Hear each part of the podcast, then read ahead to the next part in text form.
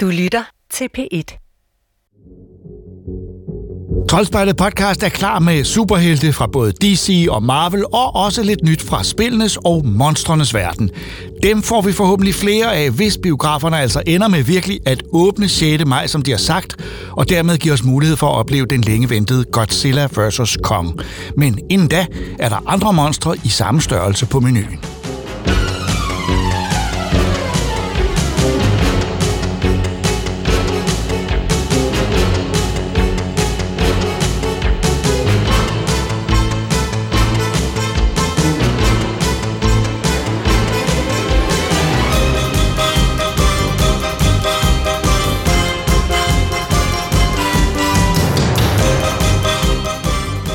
Kampen mellem menneskenes kæmpe robotter og frygtindgydende kaijuer er det enkle, men fantastiske udgangspunkt for Guillermo del Toros Pacific Rim film fra 2011. Et oplagt univers til flere historier med samme tema, hvorfor der, da også kom en fortsættelse i 2018, og nu så en animeret serie, som har premiere på Netflix for nylig. Ida og jeg har set Pacific Rim The Black. Welcome, Cadet. I am Loa. We have a fighting chance. I advise immediate retreat. Wrong advice. Together. Ah! We keep going! Jeg har det jo sådan, at jeg kan blive ved med at se på kampe mellem øh, robotter af den størrelse, altså styret af mennesker, som sidder inde som rigtig øh, øh, i, i kamp mod, mod øh, et større udvalg af forskellige kaijuer. Det, selve det, jeg behøver ikke en historie, men her er en historie. Ida, hvad, hvad, hvad handler det om nu? Oha, ja. Jamen, det er jo øh, lige på og hårdt med handlingen her, at man, øh, man ser simpelthen en, en by i Australien, som er fuldstændig smadret, og nogle øh, jæger, som kæmper mod nogle kaijuer, og ligesom siger, okay, vi, kontinentet er tabt. Vi er ja. nødt til ligesom bare at smutte herfra, og der er lige en, en bus med, med nogle børn, der bliver reddet i sidste øjeblik af en jæger. Og øh, det viser sig så, at øh, den her jæger ligesom er øh, det styret af et forældrepar til en dreng og en pige, øh, og de sætter dreng og pigen på den her bus med de andre på bussen et godt, sikkert sted, og siger, nu må vi lige ud og se, om vi kan finde nogle andre. Vi må heller lige være over til USA. Det kommer nok til at tage noget tid. De, de, de, altså, de efterlader børnene, og så øh, fordi de vil hente hjælp. Ja. Og så går der fem år. Og forældrene er ikke kommet, og de her børn er blevet store. Og, og, Netop. Altså, men de har jo overlevet. De har et lille landbrug og sådan pligter. Og, sådan.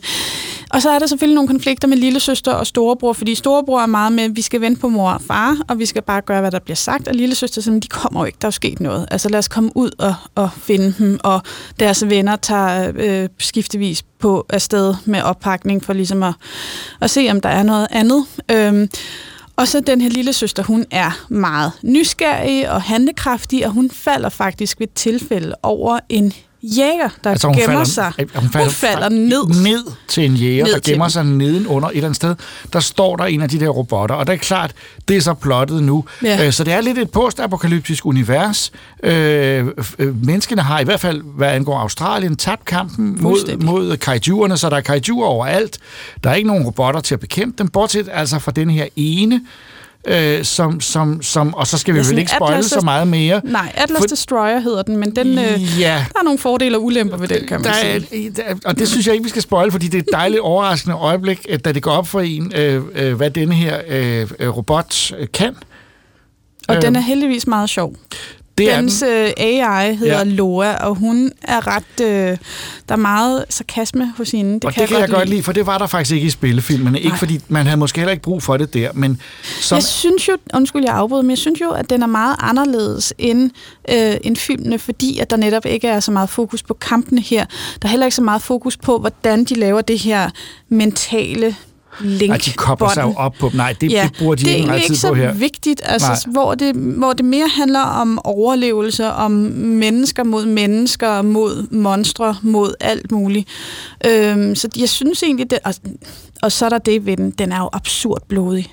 Ja, øh, det, det, den er faktisk mere blodig end filmene. Ja. Øh, og så er den jo i den der en mærkelig stil, tegnemæssigt. For det er jo, det er jo teknisk set altså en anime. Ja, det men- er sådan en japansk-amerikansk Ja, samarbejde, og, det, og, og det, man kan sige, det kan man også godt se, det er ikke en, en, en stil, jeg sådan er helt vild med, det må jeg indrømme, men omvendt, den er meget overbevisende, øh, og, og miljøerne er super spændende, for det er jo det her øde landskab, og så kommer de støder på nogle flere mennesker, lidt sådan Walking Dead-agtigt, man går ud i verden og finder nogle nye mennesker, og de finder specielt en, som de slutter, som slutter sig til dem, mm. og, og som kan noget andet særligt. Ja, vi får se. Ja. Øh, øh, der er ikke så vildt mange episoder, syv episoder, Ja. øh, og det er så første sæson. Øh, men øh, tegnemæssigt synes jeg, at den, den gør noget interessant i sin kobling af øh, klassisk øh, 2D-anime-streg, altså an, ansigterne er designet på en meget gammeldags, sådan 90'er-agtigt anime, og så nogle mere 3D-agtige figurer øh, rundt Ja, og omkring. sådan det der meget glatte, ja. meget altså, kunstige nogle gange, altså hvis der er bølger i vandet, eller de her kaijuer har de her lysende ting. Øhm, det, jeg synes også, altså, men det, det, jeg, jeg er lidt øh, konfliktet, som man kan sige, om, øh, med, med, med, med animationsstilen, mm. og jeg er også lidt i tvivl med selve, altså fordi øh, et eller andet sted, så er den absurd blodig, altså på et tidspunkt er der en kaiju, der spiser nogle mennesker, og så Ja. sprøjter der blod ud, og sådan Ja, nærmest ja. har sådan nogle gælder Men nu tror jeg, du har solgt den til rigtig mange Ja, lyttere, ja, der og det er jo, tænker, altså, wow, jeg synes det jo, jeg, jeg, synes jo, det her øh, rå, blodige, ekstreme vold, og altså, der, folk dør til højre og venstre, det er egentlig ret spændende, men samtidig er historien sådan lidt, lidt sød. Ja, fordi det er lidt en, en, en, en historie om nogle børn, der skal klare sig, Ja. eller nogle unge mennesker og nogle børn, der skal klare sig. Sådan, Ja, øh, altså, det er og det, en det, det, der må jeg indrømme. Jamen, den sidste del af det, jeg må indrømme, jeg købte ikke helt øh, øh, hele den præmis, men jeg køber præmissen om at være alene i de her omgivelser, og jeg køber også de, altså kaijuerne er fantastiske, og mm. de er selvfølgelig altså designet øh, som klassiske kaijuer, men igen med alle de der variationer, man kan komme, og jeg bliver aldrig træt af at se på dem. Mm. Men helt klart, jeg savnede øh, øh, nogle kampe. Ja. Altså, der, der måtte godt have været meget mere, hvis det var stod til, min, stod til mig. Og, og så synes jeg, der bliver sat rigtig mange ting i søen. Altså jeg faktisk, jeg er egentlig, jeg er ret godt underholdt af den her. Det er jo også, det er jo korte afsnit og øh, underholdende. Der sker en masse ting, og, og den er sjov, og den er øh, masser, masser af action og masser af ting. Men jeg synes, der er mange ting, der bliver sat i søen, hvor jeg bare sådan, okay, så det, vi, vi har den her enormt dejlige enkle præmis med, med, med Mex, der slås mod kaiju, og det er en totalt lille del af det. Der er så mange sådan, ting, der har udviklet sig. Både ham der drengen, men også en eller anden underlig kaiju. Hvad er det lige, der er med den, og som man lige har set i forbifarten. Sådan. Så der, og nogle små kaijuer, der lige pludselig... Og jeg ved ikke, der, der er bare mange ting, og nogle utrolig onde mennesker. Der er faktisk meget... Jeg tænkte faktisk også på Walking Dead, mm. i forhold til det her Ja. postapokalyptiske, og folk, der bare viser sig... At alle mennesker bliver røvhuller, når, når jorden går under, åbenbart. Ja, ja. Jeg, jeg kunne godt forestille mig at ville have mere af det her, øh, men, men det er klart, jeg behøver ikke... Øh, I den første Pacific Rim var der jo også en, en ret øh, øh, sådan tårvedet historie om en lille pige osv. Mm. osv. Øh, det behøver jeg egentlig ikke. Øh, de kan bare sætte god gang i det. En, en storby, og så nogle mennesker op i de der mækker, og så nogle kaijuer. Og det, der er fedt her, er, at der er ikke nogen bestemte kaijuer, der er de store og vigtige. Det er en masse forskellige, og der er et stort udvalg, og de er vildt flot design. De der små er lidt mærkelige. Ja. Øh, men altså, hvis man godt kan lide ultravold, så er det altså en god serie for en, den her. Det, den er virkelig, den er meget lidt sentimental i forhold til de mennesker, man bliver intro- introduceret for. Der er selvfølgelig nogle hovedpersoner, det her søskende par, øh, Taylor og Haley, men, Men- men ellers så... Øh, Nu har jeg lige siddet og anbefalet, jeg har faktisk anbefalet serien, og så siger du, hvis man godt kan lide ultravold, jamen, hvem kan ikke det? ja, det er rigtigt. Så fra, fra øh, Ida og mig til Pacific Rim The Black, øh, et, et sjovt eksperiment, ikke også? Øh, som vi faktisk morede os over med visse forbehold. Så det er sådan en, en, en pænt positiv anbefaling. What is that?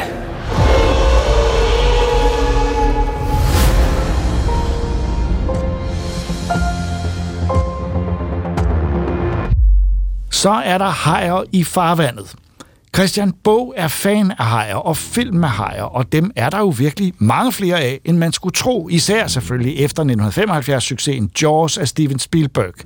Christian Bog har derfor taget konsekvensen af sin interesse og skrevet og udgivet et omfattende værk fra Gud til filmskurk, som Christoffer og jeg har læst.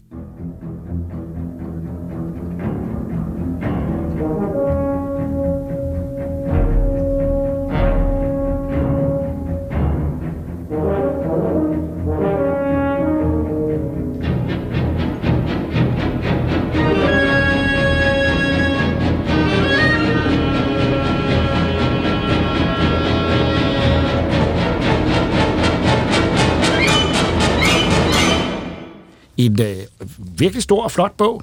Ja, større end jeg havde troet, da jeg hørte om den første gang, vil jeg ja, sige. ja, du har fortalt om den længe, fordi øh, det er, der er jo fedt med folk, der arbejder med den her slags projekter, især når det så lykkes dem, og det er en meget flot bog, og den er fyldt med farveillustrationer.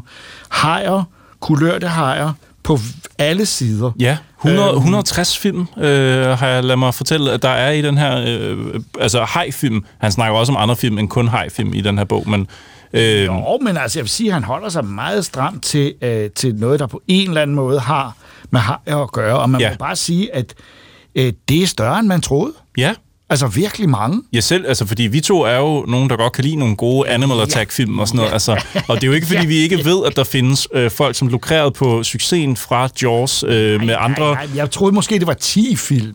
Præcis. Jeg tænkte også, at det var, du ved, der er den med blæksprutten, der er Orca, der du ved, Ja, ja. du ved sådan noget, ikke? Men, men det her er. Marco Jaws of Death var en af mine favoritter. Den er Ah, ikke særlig ja. god, men interessant og anderledes film. Øh, Orca er faktisk også en rigtig god film. Ja, den er udmærket, ja. Nå, ja. okay, helt klart. Nå, okay. Fin, fin Ja, film. Øh, men, men, og så er der jo alle de her, som jo også, som folk kender, Sharknado, og alle dem, som lukrerede på Sharknado, og som er endnu værre end den. Ja. Øh, men de er her alle sammen i den her bog. Han har virkelig været grundig. Jeg kan huske en film, der hed Shark Exorcist, som vi havde med i Planet X. Så, dårlig, oh, ja. så god var den, mener jeg.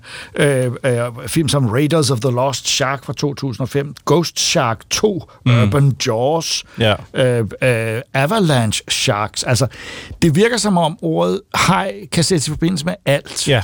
Jeg tror, jeg har set, jeg kan ikke huske, om det er Snow Shark eller Avalanche Shark, jeg har set, men det er simpelthen en, en snippeklædt øh, bjergside, hvor der er nogen, nogen, der står på ski, og så kommer der en haj, som, som simpelthen øh, svømmer igennem sneen, så den der finde stikker op af sneen og angriber dem, og spiser dem ud af, af sneen. Øh, det er derude, vi er. Altså, det er virkelig en omfattende bog, fordi den, den netop starter helt tilbage jo faktisk. Altså, for det første starter den med, hvad er en haj? Ja, den er nemlig, og det vil jeg sige, selvom det er meget kulørt opsat bog, så den er sjov at bladre i, men den er fandme seriøs. Ja, den der, det. Han, man starter med det seriøse, hvad er hajer for nogen, og vi får at vide, hvad- der er farligt, og hvad der ikke er farligt, og selvfølgelig, at alt det her er en mytologi Ja. øh, bygget op, og, og hvordan øh, hajen er blevet dyrket Ja. øh, i, i det gamle Grækenland, og så videre, og så videre, og, og hvordan det så er blevet til en... en øh, jeg ved ikke, om, om man skal sige skurk. Der, jeg, jeg mener bare monster, og monster er jo noget, vi kan lide, og vi kan jo også godt lide de her hajer. Ja. Ja, jamen præcis. Selvom vi ikke vil møde dem. Øhm, og, det, og det starter jo helt tilbage i, i 30'erne med en film, der hedder Tabu, og, Ja. og der har den jo, altså hajen har ikke en kæmpe rolle, men den betyder alligevel noget for plottet, og så derfra og frem, der bliver den jo bare mere og mere øh, ja, en fast del af, af filmhistorien. Altså, det er en meget omfattende bog, og man har indtryk af, at, at øh, øh, Christian Bog her har virkelig øh, researchet det grundigt, fundet dem alle sammen, beskriver det meget godt Ja. og levende. Jeg får lyst til at se nogle af dem, og bestemt ikke lyst til at se nogle andre, øh, og det er, er, er meningen, tror jeg, øh, fordi der er også kritiske vurderinger, øh, øh, men meget grundige gennemgang af selv de allermindste film. Ja. Øh, så jeg vil sige, at øh, der kommer ikke så mange bøger om film på dansk. Nej, og de nej. Fleste, der kommer, er jo sådan meget, øh, meget seriøse og langhårede ting. Øh, denne her er ikke langhåret, men den er seriøs. Og Ja. jeg vil sige, altså, Altså, jeg, jeg synes jeg er noget, begejstret for den. Altså, Ja, jeg kan det er virkelig godt også lide den. bestemt. Og noget af det, jeg også godt kunne lide faktisk, det var, at det var meget hyggeligt. Den er, den er så uformelt skrevet. Altså, det er et Ja, meget ja. hyggeligt sprog. Der er mange dem, hvor det nærmest er talesprog, hvor han bare som, som tanker, han har omkring Det er sådan forskellige lidt podcastagtigt, men, men det er ikke mere, end at det også er øh, rettet ordentligt til. Der er ikke så mange øh, øh, tyrkfejl, som der tit er i mange, hvad skal man sige, privat udgivet bøger, for der er ikke et stort forlag bag det her. Netop. Øh, men øh, jeg må sige, at øh, jeg, jeg har virkelig nyt at øh, både læse, men også bladre. Ja. Det er sådan en, man bladrer i, og så pludselig slår man op på en side, at der er en fandme en film, der hedder House Shark. Ja. Øh, med, med tagline, You're gonna need a bigger house. Fedt. I read the police report. They looked. They didn't find anything. Wait, did you hear something, John? It was some kind of freak suction built up in the pipes from the waste station. But what did the coroner say? What did he write at first? He said it looked like a shark attack. Shark! House shark! Jamen, der er jo et helt kapitel, der hedder Ud og svømme med de skøre. Det er faktisk næsten det kapitel, jeg bedst kan lide, fordi Ja. det er bare Det var præcis, derfra. hvad... Det var fra det kapitel. Er det det? Okay, Ja, ja. ja, ja. Øhm, og, og så, altså, så synes jeg også, det er, at, at det er fedt, der er så mange illustrationer i, som du siger, at han har, han har skaffet ret meget øh, altså materiale på alle de her Ja. film, og, og taglines, og interviews også med folk, der har lavet nogle af filmene, ja. og hejforsker og sådan noget. Det, den eneste det eneste minus, jeg vil fremhæve ved den her bog, som jeg desværre bliver nødt til at nævne, det er, at mange af illustrationerne er i simpelthen så lav opløsning. Altså, de fylder en hel side, men de er printet i meget lav opløsning. Der er meget pixelerede illustrationer i, øh, i mange øh, af billederne. Og det ærger mig lidt. Jeg, altså, øh, en idé kunne have været for eksempel at, at gøre illustrationerne mindre på siden. Men der, jeg tænker, at de må have haft problemer med at få nogle af billederne i så stor opløsning, som de skulle bruge. Det tror jeg. Men, øh, men hvorom alting er, det er, jo, det, er jo, det er jo sådan, det er. Altså, det kan man jo heller ikke få det hele. Men ved du hvad, jeg, jeg er ikke helt enig med dig. Jeg synes det er meget øh, imponerende god kvalitet øh, generelt. At det er jo videocovers nogle gange, fordi det er film, der aldrig er kommet på nogen anden måde. Ja. Øh, øh, så de måske bare sparket lidt op. Der er en, der hedder Bad CGI Sharks. I think it has something to do with the script me and my brother are working on. Some sort of voodoo magic or something. You are living an adventure based on your own exploitation script. How can you think we have any control in this situation? This is our movie. I'll be damned if we're gonna let some vindictive digital fish kill off the two stars. Kan jeg vide, hvad den handler om? Så, så altså, det korte og lange er, øh, øh, jeg, synes, jeg synes, det er svært at finde et øh, decideret kritikpunkt. Øh, øh, måske kan man sige, at øh, du, det med illustrationerne, men der er altså mange af dem, og den er, den er fed at bladre i, så fra mig er det en 100% varm anbefaling af øh, indtil videre årets bedste filmbog i Danmark. Om hajer. Netop, og, fordi, og det er en filmbog, man siger, den vidste vi ikke, at vi manglede, men Nej, det gjorde præcis. vi. Og, og, og forresten, vi skal også huske at sige, at, øh, at Christian Bog jo, altså han er kommunikationsdirektør til hverdag, men han skriver også for Planet Pulp, hvis man øh, Ja. vil tjekke ham lidt mere ud. Så tænker Ja. jeg, det, Ja. det, der, der, der skriver han også lidt derinde, hvis man vil læse mere fra ham. Sidste år udkom den længe ventede nye udgave af Microsofts klassiske Flight Simulator, og det var Troels ret begejstret for her i Troldspejlet. For nylig fik vi så en virtual reality udgave af spillet, eller simulatoren, hvad man nu vil kalde det, og den har Benjamin prøvet.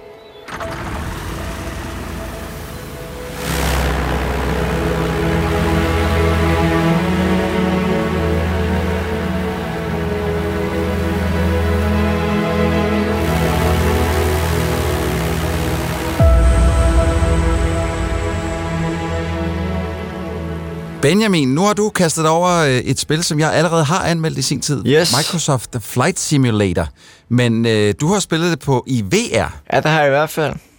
Det, øh, det var jo ikke noget, jeg fik lov til i sin tid, for det, det understøttede ikke på det, på det tidspunkt. Men du har jo en, øh, en Valve Index derhjemme, som jo er øh, the holy grail af VR-headsets. Så, så da vi fik tilbud om at anmelde det, øh, eller VR-delen af det, så, øh, så skulle det selvfølgelig være dig, der gik til der. Yes. Så der bliver du så lige nødt til at øh, fortælle mig, fordi jeg tror godt, vi to kan være enige om, øh, ligesom jeg også selv sagde det gang, at Microsoft Flight Simulator er det ypperste inden for flysimulator, Ja, du kommer i nærheden. Det er det i Ikke? hvert fald. Og nu med, øh, med øh, virtual reality-delen, så, øh, så må du lige fortælle mig om dine oplevelser der. Hvor, hvor, hvor fantastisk det har været, eller hvor svært det har fået til, været at få til at få køre på din PC, fordi det kræver så sindssygt meget. Altså, jeg må nu sige, det har faktisk, øh, det, det har faktisk kørt nogenlunde fint nok. Øh, ikke optimalt, men, men, men det har kørt, og ja, det har i hvert fald ikke været så dårligt, at jeg er blevet syg af det. Der har været nogle gange, hvor det har frostet i et enkelt sekund, eller hvor at frameraten tydeligvis faldt rigtig meget. Øhm, så det har, det har slet ikke været optimalt, men, men det, har, det har fungeret, øh, vil jeg sige. Øhm, Okay, fordi vi bliver måske lige nødt til at ja. komme med noget background her, inden vi fortsætter, at, at til dem, der sidder derude og måske ikke lige øh, øh, har prøvet VR eller sådan noget, men det er, at øh, et VR-headset, der sidder der to skærme, en til hvert øje, øh, inde i det her headset, man tager på hovedet, og hver skærm skal gerne køre 90 hertz eller over, det vil sige afvikle 90 hele billeder i sekundet eller over, for at man ikke bliver øh, Øh, dårlig af det. ja. Ja, præcis. Og jeg kan så sige, at dengang jeg anmeldte Microsoft Flight Simulator til, til øh, her i, i Troldspejlet øh, podcast, der kunne jeg lige omtrent øh, for min computer, som ellers er rimelig voldsomt til at afvikle 60 billeder i sekundet. Og det, det var kun lige omtrent, den kunne komme derop. Så derfor har jeg altså simpelthen været så øh, spændt på at høre om, hvordan det hele fungerede for dig. Jo, Jamen, altså jeg har, øhm, i min computer sidder der en, øh, en, en, øh, en af grafikkort, så er der en Titan øh, X Pascal fra 2016. Ja. Øh, og, og den, den, den kan godt håndtere det, vil jeg så sige. Men altså, det var jo med mange ting skruet ned og så videre. Øhm, mm. Og jeg, det var slet ikke stabil framerate, men det var stadigvæk meget flot. Det var, jeg vil ikke sige, det var noget, der ødelagde spillet. Det var ikke noget, som der hele tiden kom i vejen for det. Jeg blev ikke dårlig af det på den måde. Men hvordan, øh, hvad, hvad, altså, hvad, var der nogen forskel? Har du spillet det både med og uden VR? Nå, men jeg prøver det jo en lille smule uden, og jeg vil Ja. sige, det er jo ikke, det er jo det, er jo det samme spil, Ja. altså.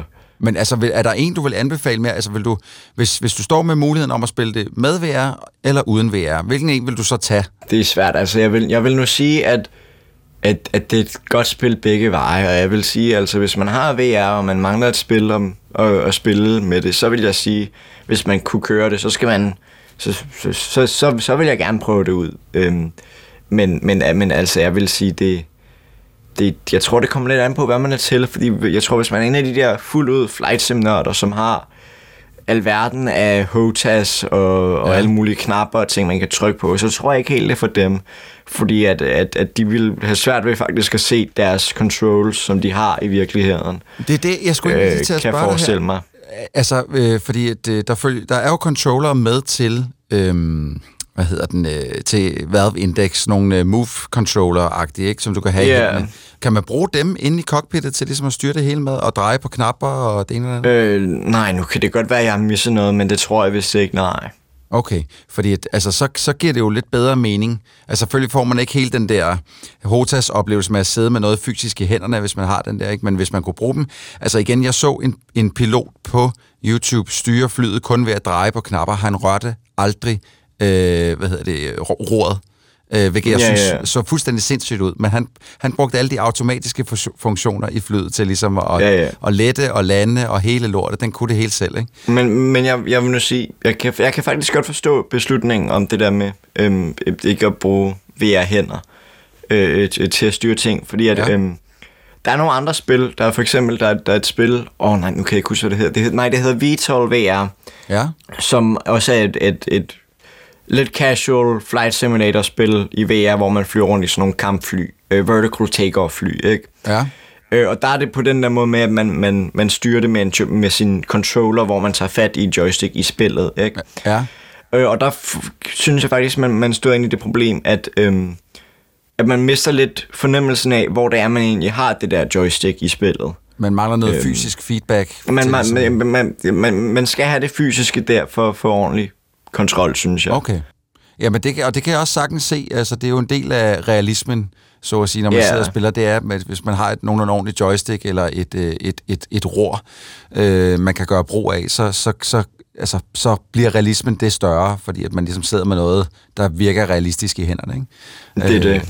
Så, men altså, Flight Simulator, det er, det er snart, hvad er det, et års penge gammelt nu, eller sådan noget, men nu har det Ja, altså fået. VR-understøttelse, og, øh, og du er ikke sådan, det er ikke fordi, du siger, at, man, altså, at det er, Det er ikke sindssygt meget bedre. Nej, det er ikke sindssygt meget men, bedre men, men, men, det er, men det er stadigvæk meget, meget fedt, vil jeg ja, sige. og hvis man har et VR-headset, så, så, så kan du godt anbefale, at man lige tager Ja. en tur i, øh, i en Boeing et eller andet. Hvis man har computer til det.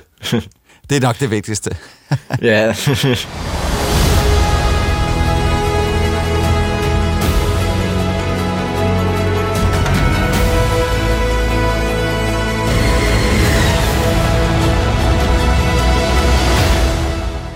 Alt imens Zack Snyder arbejdede med nye optagelser og klipning af den omdiskuterede Justice League-film, som vi talte om i sidste uges podcast, havde han og hustruen Deborah tid til også at fungere som producer på Patty Jenkins anden Wonder Woman-film.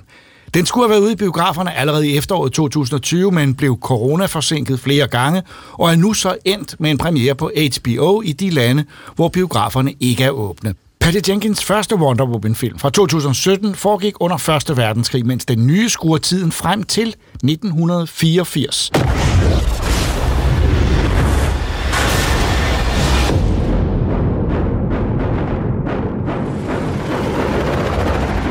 Citizens of the world, I'm here to change your life. Anything you want. Anything you dream of, you can have it. You look like you saw a ghost. Diana, look at you. It's like not one day has passed. I don't want to be like anyone. I want to be an apex predator. You've always had everything, while people like me have had nothing. Well, now it's my turn. Get used to it. Jeg har set øh, Wonder Woman-filmen, den nye, 1984, og det har Regitze og Ida også. Og øhm, det er jo en, øh, en lidt anderledes film end den første. Kan man ikke starte med at sige det? Så har du i hvert fald ikke sagt for meget. Nej. ja, den første var jo en rigtig god film. Ja, jeg kunne godt og, lide den. Ja, det, jeg synes, den havde noget nostalgi og noget charme, og sådan lidt, lidt Og spænding. gammeldags. Spænding. Sådan, sådan en gammeldags, klassisk superheltefilm. Ja. Og, og det her, jeg synes, den her prøver lidt at være lidt mere Marvel-agtig, fordi den vil gerne være sjov. Øh, Jeg synes personligt ikke, den er særlig sjov. Altså, vi følger jo øh, øh, Wonder Woman nu i en situation, hvor hun, øh, hvor hun er op imod faktisk altså en anden, en super skurk inde, øh, øh, som, som hun i første omgang arbejder lidt sammen med, og som så viser sig at være en, en frygtelig trussel. Nej, hun bliver jo en trussel. Altså, Ja. Wonder Woman arbejder på et museum Ja. og, og passer sig selv. Altså, man ser hende sidde meget ensom på fortovscaféer øh, og, øh, og bare sidde og tænke på sin nu afdøde veninde og på øh, Steve Trevor, som jo offrede sit liv i den første Wonder Woman-film. Og, og ja, så hun er meget ensom, men passer ligesom sit arbejde. Og så får, kommer der en ny kollega på øh, museet, og hun er super kikset og grim og alt muligt. Og det er Hun har i hvert fald Wiig. briller på, så de ja, tænker, uha. nu har vi gjort hende grim. Så, altså, så hendes chef, der lige har ansat hende ugen for inden, kan ikke huske, hvordan hun ser ud. Altså, da hun så har tabt alle de her... pap- Hun kommer selvfølgelig ind og taber alle sine papirer på, på gulvet på første arbejdsdag, og der er ikke nogen, der hjælper hende, men det gør Wonder Woman selvfølgelig, fordi hun er jo en, en god kvinde. Ja. Og så er der hun en- stadig Wonder Woman, men undercover. Der er jo ingen, der ved, at det er hende, og der er heller ikke nogen, der ved, at, hvem det er. Det er, hende, det er meget mystisk, det er hende, at hun arbejder som Wonder Woman. Det er lidt mærkeligt. Men, ja. hun, men man, man får faktisk nogle rigtige heltegærninger. Lige i starten, ja. der er hun sådan, hun bruger pisken i, et stort center. og det er en lasso. lassoen, undskyld, det, jeg synes, det er en pisk. Nej, lassoen. øh, og, og, og det fungerer skide godt. Altså, øh, men, men det er ligesom om, at øh, det, det passer ikke til historien. Det er bare noget, hun gør, og så har hun det her job ved siden af. Det er så der, alt det, alt det spændende sker. Og så er der også en superskurk, som er meget, ja, altså virkelig overdrevet usympatisk. Ja. ja. Det handler om den her ønskestatue, som kommer i hænderne på, øh, ja, på Diana og hendes kollega øh, Barbara, som bliver spillet af Kristen Wiig. Øh, og den kan give alt, hvad man ønsker. Det ved Wonder Woman ikke, så hun ønsker Steve tilbage, fordi det drømmer hun jo om. Og så kommer han tilbage. Men han ligner ikke Steve. Han kommer simpelthen ned i en, en fremmed mands krop, og det, og det virker ikke som, nogen bekymrer sig om den her stakkels mand, der har fået stjålet sit liv. Tak, Brigitte. Han, han, hun, han overtager den her mørkhårede mands øh, liv, og, og der er ingen, der tænker, hvad, har han måske en familie? Har han et job? Er der nogen, der regner med ham? Nej, de er ligeglade. Ej, men det er så, det er så vanvittigt. Altså, en, en, jeg tror, at den her film prøver at være sådan lidt, Nå, men nu skal vi vende de her kønsstereotyper om, fordi der er sådan en scene, hvor at Steve, han skal tage tøj på. Sådan en, øh, så står øh, Diana og griner af ham, fordi han ser fjollet ud i alt det her 80'er-tøj. Det kan vi godt alle sammen være enige om, at 80'er-tøj var måske ikke altid det, det, det bedste, og han er meget begejstret for det. Øhm, nu vel med det, altså det, det, det er bare fjollet og fjollet, men jeg synes, det er dybt problematisk, at, at han kommer altså, ned det, i en ny krop. Det, I er vrede over, er, at, at, at, at hun får sin Steve tilbage, men han ligner en anden. Ikke, at han, Ikke, ligner, han han, ligner en han anden. overtager en anden mands krop. Nå, Altså, jo, ja, altså, den anden mand- Han bliver Wonder Womans kæreste. Altså, hvad fanden? Ja, uden Hvad- samtykke. Han, ja. han, øh, der er ikke nogen, der spørger, om han har lyst til at have sex med Wonder Woman. Det tror jeg, at tror, de fleste heteroseksuelle mænd, Det og også mange kvinder, har. Men, men, men dermed, jeg synes, jeg synes faktisk, det er vildt problematisk. Jeg synes, at det er totalt grænseoverskridende, at der ikke er nogen, altså især Diana, som er så moralsk øh, korrekt, at hun ikke to, lige stusser over, fordi hun står sådan i hans lejlighed, i den der fremmedfyrs Mhm. lejlighed, og så, nå okay, men han er sådan uddannet et eller andet spændende, kløgtigt, øh, men der er ikke nogen, der savner ham. Ej, det er da underligt. Han spiller af Chris Pine, altså den nye mand. Ja, det er jo den samme. Det er altså, man ser jo kun Chris Pine, når man ser ham. Det er kun lige Ja. de første... Så, så for os er det jo lige meget. Ja. ja, nej, moralsk, det er det så ikke. Mm.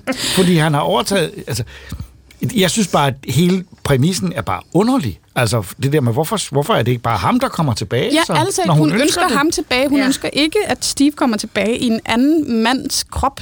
Altså, det er sådan, det er sådan underligt. Men det gør han jo heller ikke for hende. Det hun ser, er altså det er jo, Men hun ser jo ikke, altså netop, hun ser jo den anden mand først, Ja. ja. og så skal han ligesom overbevise hende om, Ja. Ja. at det, altså, det er også fordi, Okay. altså, så Hun siger sådan noget med, at jeg ser kun dig, Steve. Som om, at hun bare er så forelsket, hun ser ham. Men jeg har set rigtig mange, som synes, at det er en fed pointe, den har, at man skal ikke ønske sig alting. Selvom man har nogle det har varme da ønsker. om før. Du har hørt den før? Ja. Okay. Pas på med, hvad du ønsker dig. ja, ja, netop. Det er sjovt nok en kliché. ja. Ej, men altså, undskyld mig, den her film, den er så klichéfyldt. Også, øh, øh, altså, Kristen Wiig som skurken, Barbara, altså, hun, ja, DC har sådan en kedelig tendens med, at nørderne, når de får magt, så bliver de onde. Og jeg kan nævne i flem, Flink Catwoman, hun ja. er også en nørd. Ja. Øh, Riddler, han er også en nørd. Poison Ivy er også en nørd. Ja. Og lige så snart, at de får magt, så stiger det dem til hovedet, og så bliver de super onde. Og det, er sådan, det forstår jeg altså, altså ikke. det, der sker, og er jo bare, at de tager brillerne af, ikke også? Jo, og så, så bliver de lækre. Jamen, det er ikke, Og onde. Det, det er ikke helt færdigt her, fordi hele pointen er jo, at man mister noget, når man ønsker sig noget. Det er jo hele film, det, er jo det, filmen handler om. Og fordi hun ønsker sig at blive stærk og populær, så mister hun sin menneskelighed, altså sin medmenneskelighed og sin næstekærlighed. Og det er derfor, det er jo ikke, fordi hun bare er, er opslugt af magten. Hun mister noget af sig selv, ligesom Diana mister noget, og alle sammen mister noget, fordi de ønsker sig noget andet. Øhm, Ja, men, men det er aldrig stadigvæk en DC-kliché. det Jeg har her med- aldrig oplevet, at en, en diskussion om en superheltefilm er blevet så afsporet som det her. Og det er filmen selv, der afsporer os, fordi vi godt nok er forvirret. Jeg, jeg har det sådan med filmen, at jeg synes, den blev så pjattet så tidligt, at jeg simpelthen mistede øh, engagementet i, hvad der så videre skete. Altså, det, det, det blev, det blev øh, komik på et plan, hvor netop, hvis vi skal sammenligne, og det gør man jo med Guardians of the Galaxy, og den form for, hvor det er skarpt, og hvor det øh, er præcist og rammer, men DC-figurer er jo heller ikke morsomme. Altså man må sige, at DC's univers er ikke præget af helte, og Wonder Woman er i udgangspunktet ikke en morsom figur, og hun omgiver sig ikke med morsomme figurer, mens Marvel fra starten, altså i hvert fald deres store figurer fra 60'erne, alle sammen har et element af humor. Så man kan sige, det, det virker faktisk unaturligt, at de lægger så meget ind i det, og så er det heller ikke særlig godt. Og jeg er lidt skuffet over Patty Jenkins som instruktør, som jeg synes oprindeligt lavede den der fantastiske monster film øh, øh, tilbage i 2003-4 stykker. Og ja, så hvor den, Charlize Theron spiller... øh, fuldstændig forrygende øh, massemorder. morder, Ja. Ja, og, og, og, og,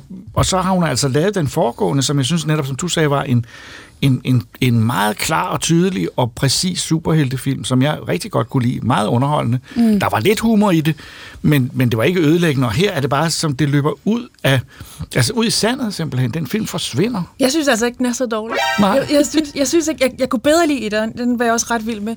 Den her synes jeg faktisk var befriende fjollet. Altså, jeg kunne godt lide, at den ikke var så... Den første var meget højtidelig og seriøs og storslået action og krig Ja. og sådan noget. Ja. Den her er mere sådan... Jeg synes, den var underholdende. Den var ikke så dårlig, at jeg blev sur over det. Altså, jeg, men jeg tror ikke, jeg gider se den igen, men jeg var rimelig godt underholdt. Den var alt for lang, synes jeg. Den var to og en halv time. Jo, Godt, ja. De godt ikke skåret fire 40 timer. minutter af fra. Øhm, Men jeg synes altså ikke, den var så skidt. Ej, jeg synes, det var en, et, et klude, en rodet omgang film. Jeg synes, at den, den vidste ikke helt, hvor den ville hen. Og jeg synes heller ikke, at deres, altså, deres hovedskurk, som er, er, bliver spillet af Pedro Pascal, jeg synes ikke, at han gjorde det godt, og jeg havde ellers ret store forventninger til Ja, ham. vi kender ham fra Mandalorian, ja. Ja. jo, hvor, vi, hvor vi har kommet til at holde rigtig meget af ham. Nej, Ja. jeg synes nemlig også, at han spiller... Jeg er nødt til at sige, at jeg synes, han spiller dårligt. Og Jeg synes ikke, han er overbevisende. Øh, øh, han, det, det, er, det, er, det er underligt på en eller anden mærkelig måde. Jeg, jeg, synes ikke, at, jeg synes virkelig ikke, den er moderne. Jeg var faktisk også skuffet over, at de får et halvt århundrede for ærende ved, at den foregår i 80'erne. Jeg synes ikke rigtig, de bruger det til andet end en fjollet Nej, tøjmontage. det var jeg også skuffet over. Jeg synes, De kunne godt have kørt mere på det der 80'er-hed. også fordi der er noget, altså Wonder Woman hører lidt sammen med 70'erne og 80'erne i kraft af den gamle tv-serie, og også i kraft af, hvordan tegneserien i den periode udviklede sig. Hun, der var en periode, hvor hun havde en tøjbutik og alt det der. Hvor, altså, øh, hvor Wonder Woman har været mange mærkelige ting igennem, så jeg føler bare, at jeg har brug for den, den rigtige gamle. Og jeg kan ikke lade være med at spørge mig selv, øh, en mand, der skabte, altså William Moulton Marston, som jo var en, en kompliceret og spændende person, og, og helt anderledes end de normale tegneserieskabere. Øh, øh, vil han have kunne lide denne her? Altså, han, vi, vi kender, øh, hans udgangspunkt var ligesom at skabe en, en superhelt, øh, der havde nogle øh, øh, øh, en feministisk superhelt faktisk meget tidligt der i 40'erne. Og, og lever hun op til det? Jeg synes, det med superskurkens briller, der, der, der, det, det er, at hun skal have brillerne af for at blive køn, øh, og så, altså, og så til med også er ond. Det, men hun er jo også en skurk, der går langt tilbage. Øh, hun, hun har været med siden starten, eller siden 40'erne i hvert fald. Øh, så men jeg synes bare, der er mange elementer i det, som også vidner om, at Jeff Johns, der skrev øh, øh, det første manus, øh, at det har været, det, har, det er lidt rodet, altså. Det er det. Der er mange forskellige historier, eller rettere sagt, der er mange forskellige retninger undervejs i den. Øh, så jeg var, jeg var skuffet, og jeg, jeg, øh, jeg var også lidt skuffet over Gal Gadot, kan vi måske også lige sige. Jeg synes, hun var rigtig god i den første film. Jeg synes, hun havde lidt svært ved at leve op til det, der kræves af hende her, nemlig det der med, med humoren og sådan lidt ting. Hvad, hvad synes I om hende? Jeg synes, hun er, ja. jeg synes, hun er god til at formidle den der del af Wonder Woman, der sådan, uh, handler om, at man skal være venlig mod, øh, mod alle. At det er det, det handler om også. Det er ikke bare at være stærk, men det også handler om, at altså, man skal være menneskelig. Men altså alt i alt, uh, Wonder Woman 1984 uh, er en, en, en blandet fornøjelse, og vi er også uenige om uh, den, så vi kan ikke give hverken en, en, en, en total afvisning eller en helhjertet anbefaling. Men der er jo det med, med, med den her type film. Man bør jo se dem. Så det er lidt en pligt at se den her ja. film. Og så er der en skøn lille cameo til sidst, allersidst i filmen. Okay, det, det har du ret i at tease med. Det synes jeg, det er en god idé. Så, så se den, men øh, øh, lad være med at skrive til os og klage. You know, I'm not so keen on this one. I figure uh, you are, but you know what? I'm ready to go. I think we can do better.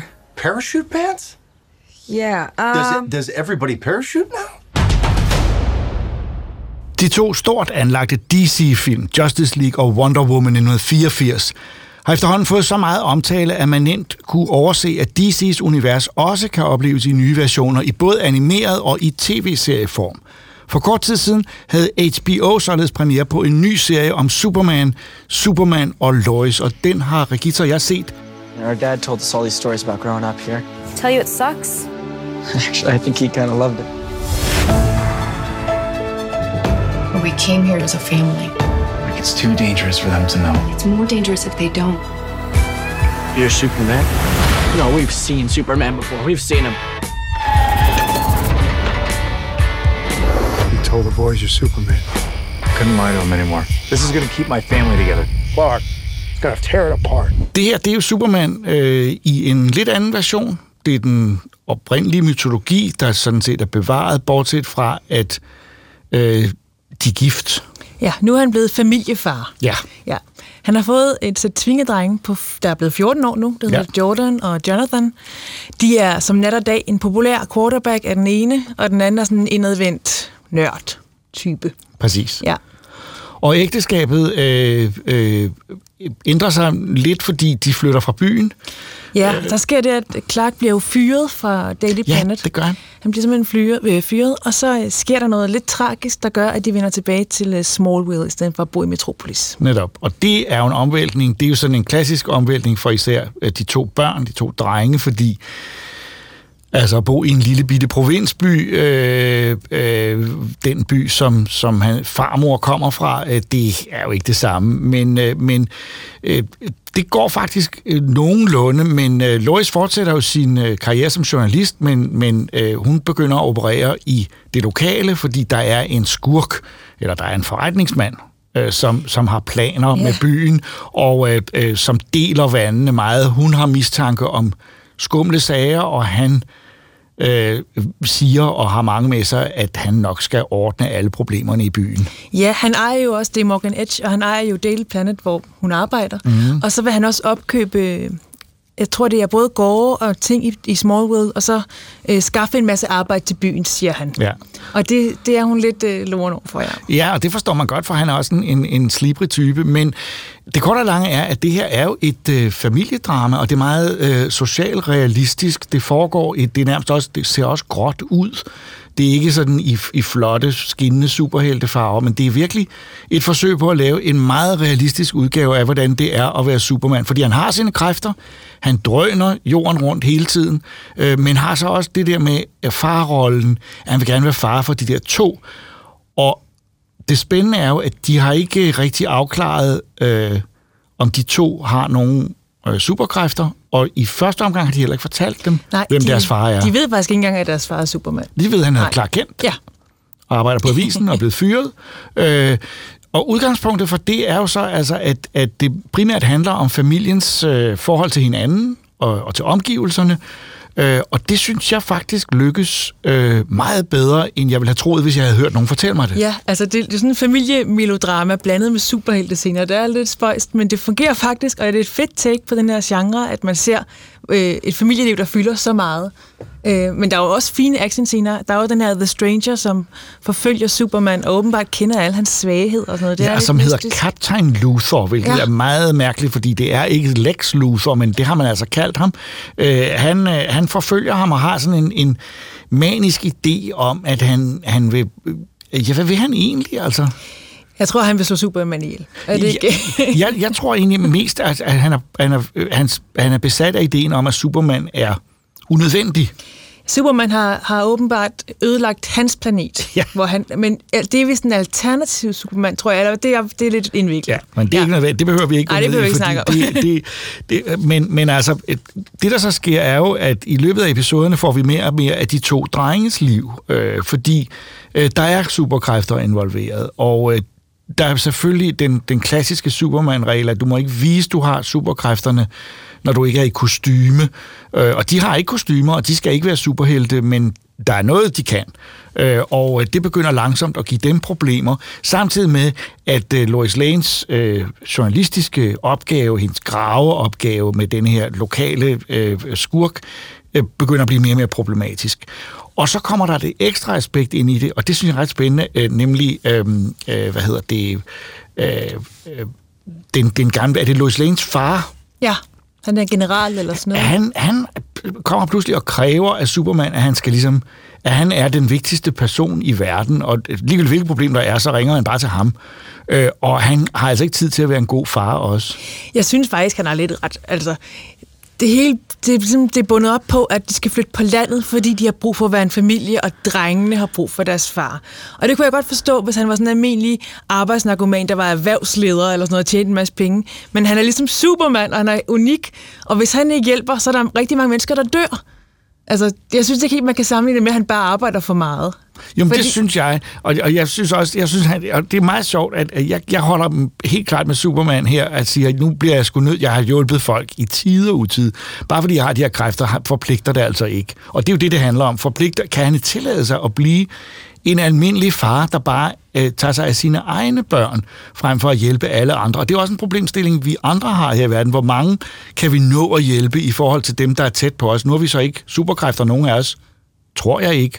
Men Øh, jeg synes, det er en super spændende problematik, og jeg holder ikke helt med, med ham, den gamle general, der siger til ham, at du er nødt til at passe dit arbejde og, og, og, og droppe børnene, om man så må sige. Man dropper dem jo ikke, og de har jo også deres men- mor. Altså, det, Jo, jo, jeg synes, det er- virker som om, at, at, at det, det er mærkeligt, at han skal vælge mellem at redde menneskeliv, og så tage en god- samtale med sin søn. Selvfølgelig skal Superman det, fordi han er Superman og Clark Kent, så jeg synes på en eller anden måde, at det er interessant. Jeg siger ikke, at, at, at, øh, at der er en løsning på det, men jeg synes, at den konflikt kom ind i billedet, der forstod jeg, hvorfor de havde tænkt sig at lave det her som en socialrealistisk serie, fordi det er det, det er, og det handler om nogle, problem, nogle problemstillinger, som, som mange mennesker er udsat for, så lige med det ekstra, at han har superkræfter. Og det er der, hvor du siger, jamen, så må han skulle også øh, øh, levere varen.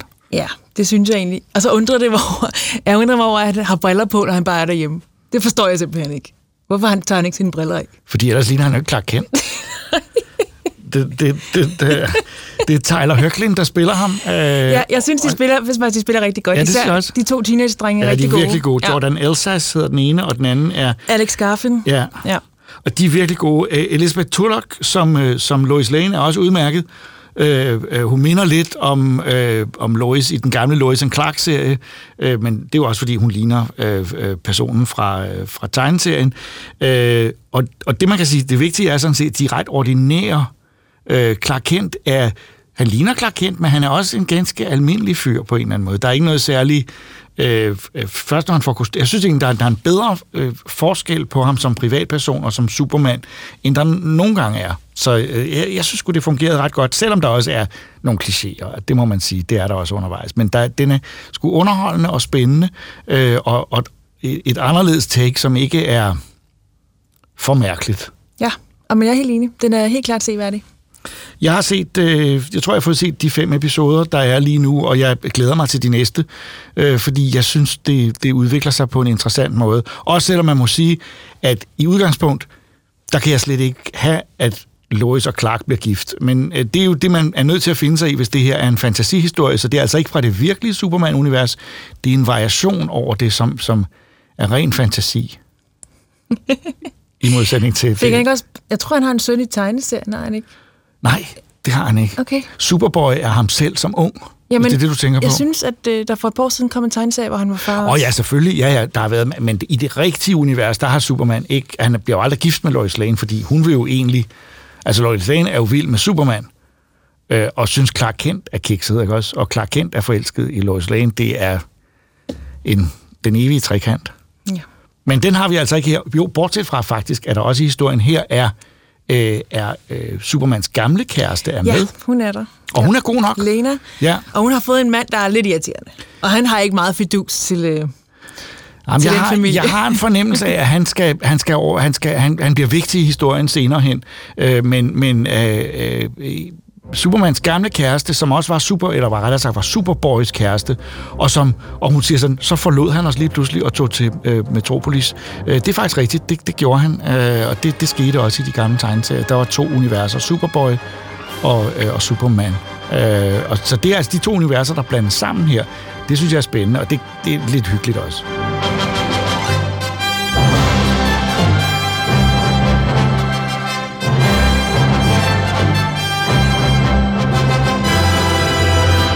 For snart 10 år siden kom det første Bravely Default-spil, et japansk rollespil, meget japansk i stil og opbygning, som fik mange fans. Det begyndte egentlig som en del af Final Fantasy-universet, men efterhånden som det skred frem, viste sig, at det kunne stå på egne ben. Men der er mindelser om Final Fantasy, og det er der også i den nye fortsættelse, Bravely Default 2, som netop er kommet til Nintendo Switch, og som Christoffer har prøvet. May the world stand in awe of the might of Holograd. He is the only ruler I would ever follow. No one can stop me now! Show me you what it takes. Come on! Give me everything you got! Ja, og Christoffer, som Jacob rigtig nok siger i introen, så øh, startede Bravely Default-serien jo egentlig sit liv som et Final Fantasy-spil, nærmere Final Fantasy The Four Heroes of Light. Men det kom altså i sin tid som Bravely Default, og det udkom til 3DS'en. Men det er jo ikke det spil. Vi har ikke spillet det første Bravely Default i dag. Du har spillet Bravely Default 2, Ja, som Teknisk ikke rigtig er en toer. Nej, det er jo det. Det er det. Jeg har spillet, ja, det hedder Bravely Default 2, men der er jo kommet flere spil før det. Altså, du nævner Bravely, uh, Bravely Default 1 til 3DS, men... Uh, I virkeligheden så burde vi lige stoppe op og sige, øh, inden at vi starter på at fortælle, hvilket nummer Bravely Default 2 er i rækken, det er fra Japan. Ja. Så allerede der, så skal folk ligesom lige væbne sig med tålmodighed og sige, "Men det japanske spil, de følger en anden nummerering, end, end de gør resten ja, af verden. Ja, ja. For der er også noget, der hedder Bravely Default uh, Second uh, spil. Det hedder faktisk Bravely Second. Bravely Second, ja, ja det er rigtigt. End Layer, tror jeg. Øh, og det er heller ikke rigtig toeren, men mere sådan en forlængelse af etteren, og det her, vi får nu, er så det, man kalder toeren, fordi det her er jo faktisk det første rigtige standalone, fulde, sådan full-fledged spil siden etteren til 3DS'eren. Ja, og det øh, gør det jo ikke mindre forvirrende, men, Ja. men altså, øh, det er Bravely Default 2, som i virkeligheden er træeren. Ja, som i virkeligheden nok måske faktisk er femeren, Ja. ja. der var også noget webbaseret og noget Der var noget, mobilbaseret. og noget mobilbaseret også, ja. Ja, ja. Så øh, vi snakker om Bravely Default 5. nej, nej, nej, nej, Bravely Default 2. Nå, okay, ja. Ja, men det er jo, øh, det er jo sådan en, øh, en JRPG. Ja. Og så bliver du nødt til lige at prøve at sætte mig ind i, hvad fanden går det ud på? Jamen altså, hvis man ikke øh, kender den forkortelse, så er det jo det japanske rollespil. Øhm, og Final Fantasy, som du nævnte, det er jo ligesom sådan, øh, der, hvor alting udspringer Mhm. mm-hmm. fra. Så man kender måske lidt den form. Det er turn-based, det her, så man, øh, man kæmper altså ikke som i, i det typiske Zelda, hvor du svinger et svær. Så leger jeg lige Jacob Stikkelmann. Det er selvfølgelig turbaseret. Ja, turbaseret, ja, lige præcis. øhm, øh, kampene udspiller sig øh, øh, ligesom et brætspil. Altså, man, man har sin tur, og man, man tager en, nogle beslutninger, og så ser man ligesom kampen udspille sig efter øh, de beslutninger, man har taget. Mm. Pokémon er også et ret godt eksempel på det, ikke? hvor man, man, man, man mødes i nogle kampe, hvor man skal være meget strategisk. Øhm, og det, øh, det her er ligesom... Lad mig starte med at sige, det er ligesom sådan kernen af, hvad et øh, JRPG RPG-spil er. Det er Bravely Default-serien. Ja, ja, ja, altså fordi det, det, en af de ting, det, det er jo dig, der har siddet og spillet. Jeg har ikke. Jeg spillede det første en smule til 3DS, Mhm. øh, men, men øh, og på trods af det, at det er til Switch, som er en af mine yndlingsmaskiner derhjemme, så øh, jeg kan ikke rigtig komme i gang. Fordi Nej. at øh, Japanese role-playing games er ikke lige min kop te. Mest fordi, jeg synes, der bliver snakket rigtig, rigtig, rigtig meget. Er det, det også tilfældet her? Ja, og og da, ja. Hold da op, der bliver godt nok snakket meget. Og det er ikke et spil, du kan grinde igennem det her. Nej. Altså selv den måde, som kampen er sat op på, øh, der er du sikker på at tabe ret hurtigt, hvis du prøver på at grinde igennem, og bare tænke, om det her skal hurtigt overstå, mm. så skal jeg bare lige... Altså selv med små fjender kan det faktisk være lidt sådan, jeg vil egentlig bare gerne forbi, men den her kamp, der skal man ligesom tage stilling til ting, før at du ikke bare bliver most. Øhm, og det kan man jo synes, hvad man, hvad man vil om. Ikke? Det er ikke alles kop te, lad mig sige det sådan. Øh, jeg kan godt se på dig allerede her, nu kigger jeg over på dig. Det og- lyder som en summer bitch! Øh, ja, men øh, når det er sagt, så synes jeg faktisk, at det er en, en ret solid øh, omgang, man får her. Ja. Altså i den forstand, at du får ikke noget, som stikker voldsomt uden for, hvad man kunne forvente af den her type spil. Det er ret meget præcis, som du, som du kunne forestille dig, mm. det ville være. Til gengæld er det meget, meget vel udført. Altså, det er virkelig en, en, en, en solid omgang øh, RPG. Ja, øh, det tror jeg godt på. Altså, jeg synes generelt, det, det er nogle rimelig øh, kompetente kræfter, der har været inde over at lave det her spil. Ja. som kommer fra alle mulige studier, som er kendt for at lave nogle rigtig gode øh, RPG'er. Så det, ja. det, det tror jeg sagtens på. Øh, Jeg bliver simpelthen også lige nødt til, fordi at det, 3DS-spillet, øh, grafikken og hele det farvespektrum, det bevæger sig i, er utrolig drab. Og med det mener jeg, det er meget brunt. Der, ja. De har fat i den øh, brune farve, mm-hmm. og så har de smasket den ud over det hele. Jeg synes, øh, jeg synes faktisk ikke, det er så slemt med det her. Nej. Jeg synes faktisk, det er et utroligt flot spil, egentlig. Øh, I den forstand, at det er meget cartoony, og vi har at gøre med Switchen, så det er ikke fordi, jeg siger sådan, her får du øh, next gen, et eller andet super lækkert. Mm. Altså, det er hvad det er. Men inden for det, der synes jeg faktisk, det er et ret flot spil. Ja, øh, så det, det, det, det, virker ikke så øh, nedslående rent grafisk, som Nej. det første var. Nej, og jeg synes også, humoren og figurerne er faktisk også ret opløftende. Øh, og, og den, den måde, tingene er skrevet på i menuerne, er ikke så tung, som man nogle gange kan. Du ved, så er det nærmest som at læse en helt manual til en bil eller et eller andet. Ikke? Øh, Øh, Japanske menuer er som regel det værste. Men jeg synes faktisk, at den engelske tekst i det her spil er ret øh, let, øh, sådan munter nogle ja. gange, faktisk i den måde, den beskriver, hvordan du skal spille spillet. Og det er egentlig rart. Og der er voice acting. Hold kæft, hvor det løfter sådan et spil som det her. Fordi nogle gange, så skal du læse dig igennem et Ja. helt rollespil, ikke? Men her, der får du faktisk øh, performances for alle stemmerne. Og de alle performances er gode. Øh, over middel. Over middel. De er ikke geniale eller perfekte, men de, de er gode. Vi snakker ikke House of the Dead her. Okay, så slemt er det ikke. Og hvis man ikke ved, hvad jeg snakker om, så slå House of the Dead op på YouTube og lyt til noget voice acting der. Det er Ej. fabulous! Ja, den, den, er helt slem. Øh, det her er faktisk, øh, ja, godt. Det er godt. Og det holder ingen engageret også, fordi du har ret i, nogle spil, når man skal læse for meget, så bliver man næsten sådan helt, åh, det virker som en opgave at komme igennem.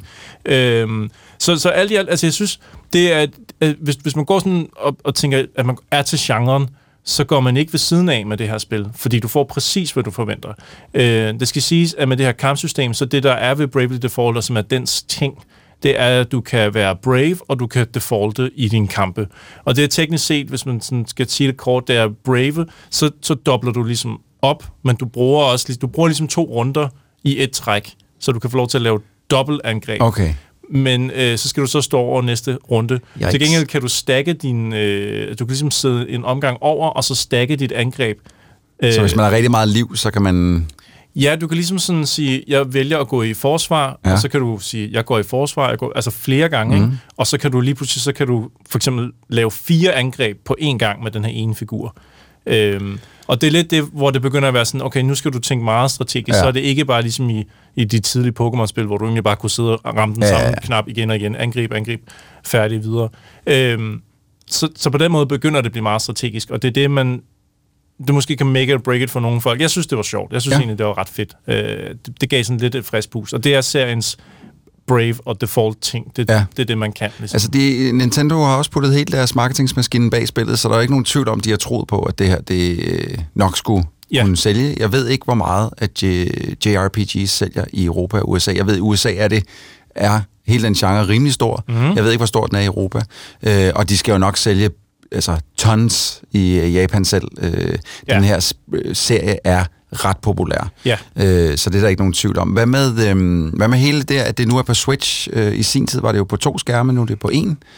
Ja, Det er ikke noget problem. Nej, det synes- det fungerer det godt, Hele og- Menusystemet fungerer i det hele taget godt over det hele. Det synes jeg. Ja. Det synes jeg. Og øh, altså, der er jo tale om nogle menuer, hvor alting står utrolig småt, fordi der er rigtig meget information, der skal være Mm. på skærmen, og der er virkelig mange ting at samle op. Figurerne, du, du styrer, kan få, få forskellige roller, men det er meget dem, du kender, altså sådan øh, mage og sådan, altså ja. helt basis. Historien er også meget basis. Du har øh, en lille gruppe af folk, som skal ud og samle nogle, øh, nogle, nogle krystaller, som repræsenterer elementerne vind, vand, jord og ild, mener jeg. Oh, Captain Planet. Øhm, så allerede når jeg siger det, så kan du godt se for dig, hvad det er for en spil. Ikke? Altså, Ja. det er ikke fordi, de sådan har altså, sådan gået helt ud af boksen. De har ikke fundet noget. grebet dybt i idéposen for Nej. at finde en ny historie. Men, men det har jo også sin kvalitet. Ja. Fordi nogle gange kan man godt bare have lyst til sådan et spil. Hvis man er til den her genre, så bare have lyst til sådan et spil, der, der bare gør det skide godt inden for det, man kender i forvejen. Hvis man ikke allerede er til JRPGs, så er det mm. måske ikke det her spil, der får dig til at rende ud i butikken og købe det alligevel, fordi at man kan se, ej, var det bare sindssygt fedt. Men til dem, til dem der allerede er fans af genren, der er det Ja. en, en glimrende addition hjem til. Og det skal siges, du behøver ikke have spillet nogen af de foregående spil, fordi de gør faktisk... at De, Det var de, dejligt. De, de nulstiller faktisk her øh, med, med, med det hele, så at sige. Så du kan godt træde ind her. Det føles lidt som om, man tænker, jeg, altså lige når du starter spillet, så er der en, han, han skyller op på, på stranden, øh, og ved ikke, hvor han kommer fra. Så begynder jeg sådan at tænke, okay, har jeg misset noget her? Er der noget, jeg har glemt? Er der noget, jeg har overset? Men det er faktisk bare en historie, du træder ind i, og det kan du gøre med det her spil. Bare. Så på den måde, du kunne også starte her, hvis det var din første Det lyder perfekt. JRPG. Altså, det, øh, bare det der med, at der ikke er en eller anden sådan Metal Gear Solid kompliceret historie eller et eller andet involveret, det synes jeg er dejligt. Det- Så, øh, så kan det godt være, alligevel sætter mig ned. Og, Mm. Fordi at jeg har jo ikke spillet alle dem, der var mellem etteren og femeren, som nu er toeren. altså, Ja. man har ikke spillet, så øh, øh, at hvis man kan starte, hvis det starter forfra her, det, det, er- det er et kæmpe plus i min bog i Ja, hvert fald. det er så. ikke, et, ikke et dårligt sted at starte på den måde, Nej. heller hvis du vil introduceres til genren. Nå, men så kan det godt være, at jeg giver det skud alligevel. You shouldn't put so much pressure on yourself. Sometimes you need to calm down and take a step back. Og hermed sluttede Troldspejlet podcast for denne gang. I studiet var jeg, Jakob Stelmann, Ida Rud, Regitze Heiberg, Christoffer Andersen, Benjamin Stelmann og Troels Møller, der også stod for klipningen. Vi er tilbage om 14 dage samme tid og sted. Tak fordi I lyttede med.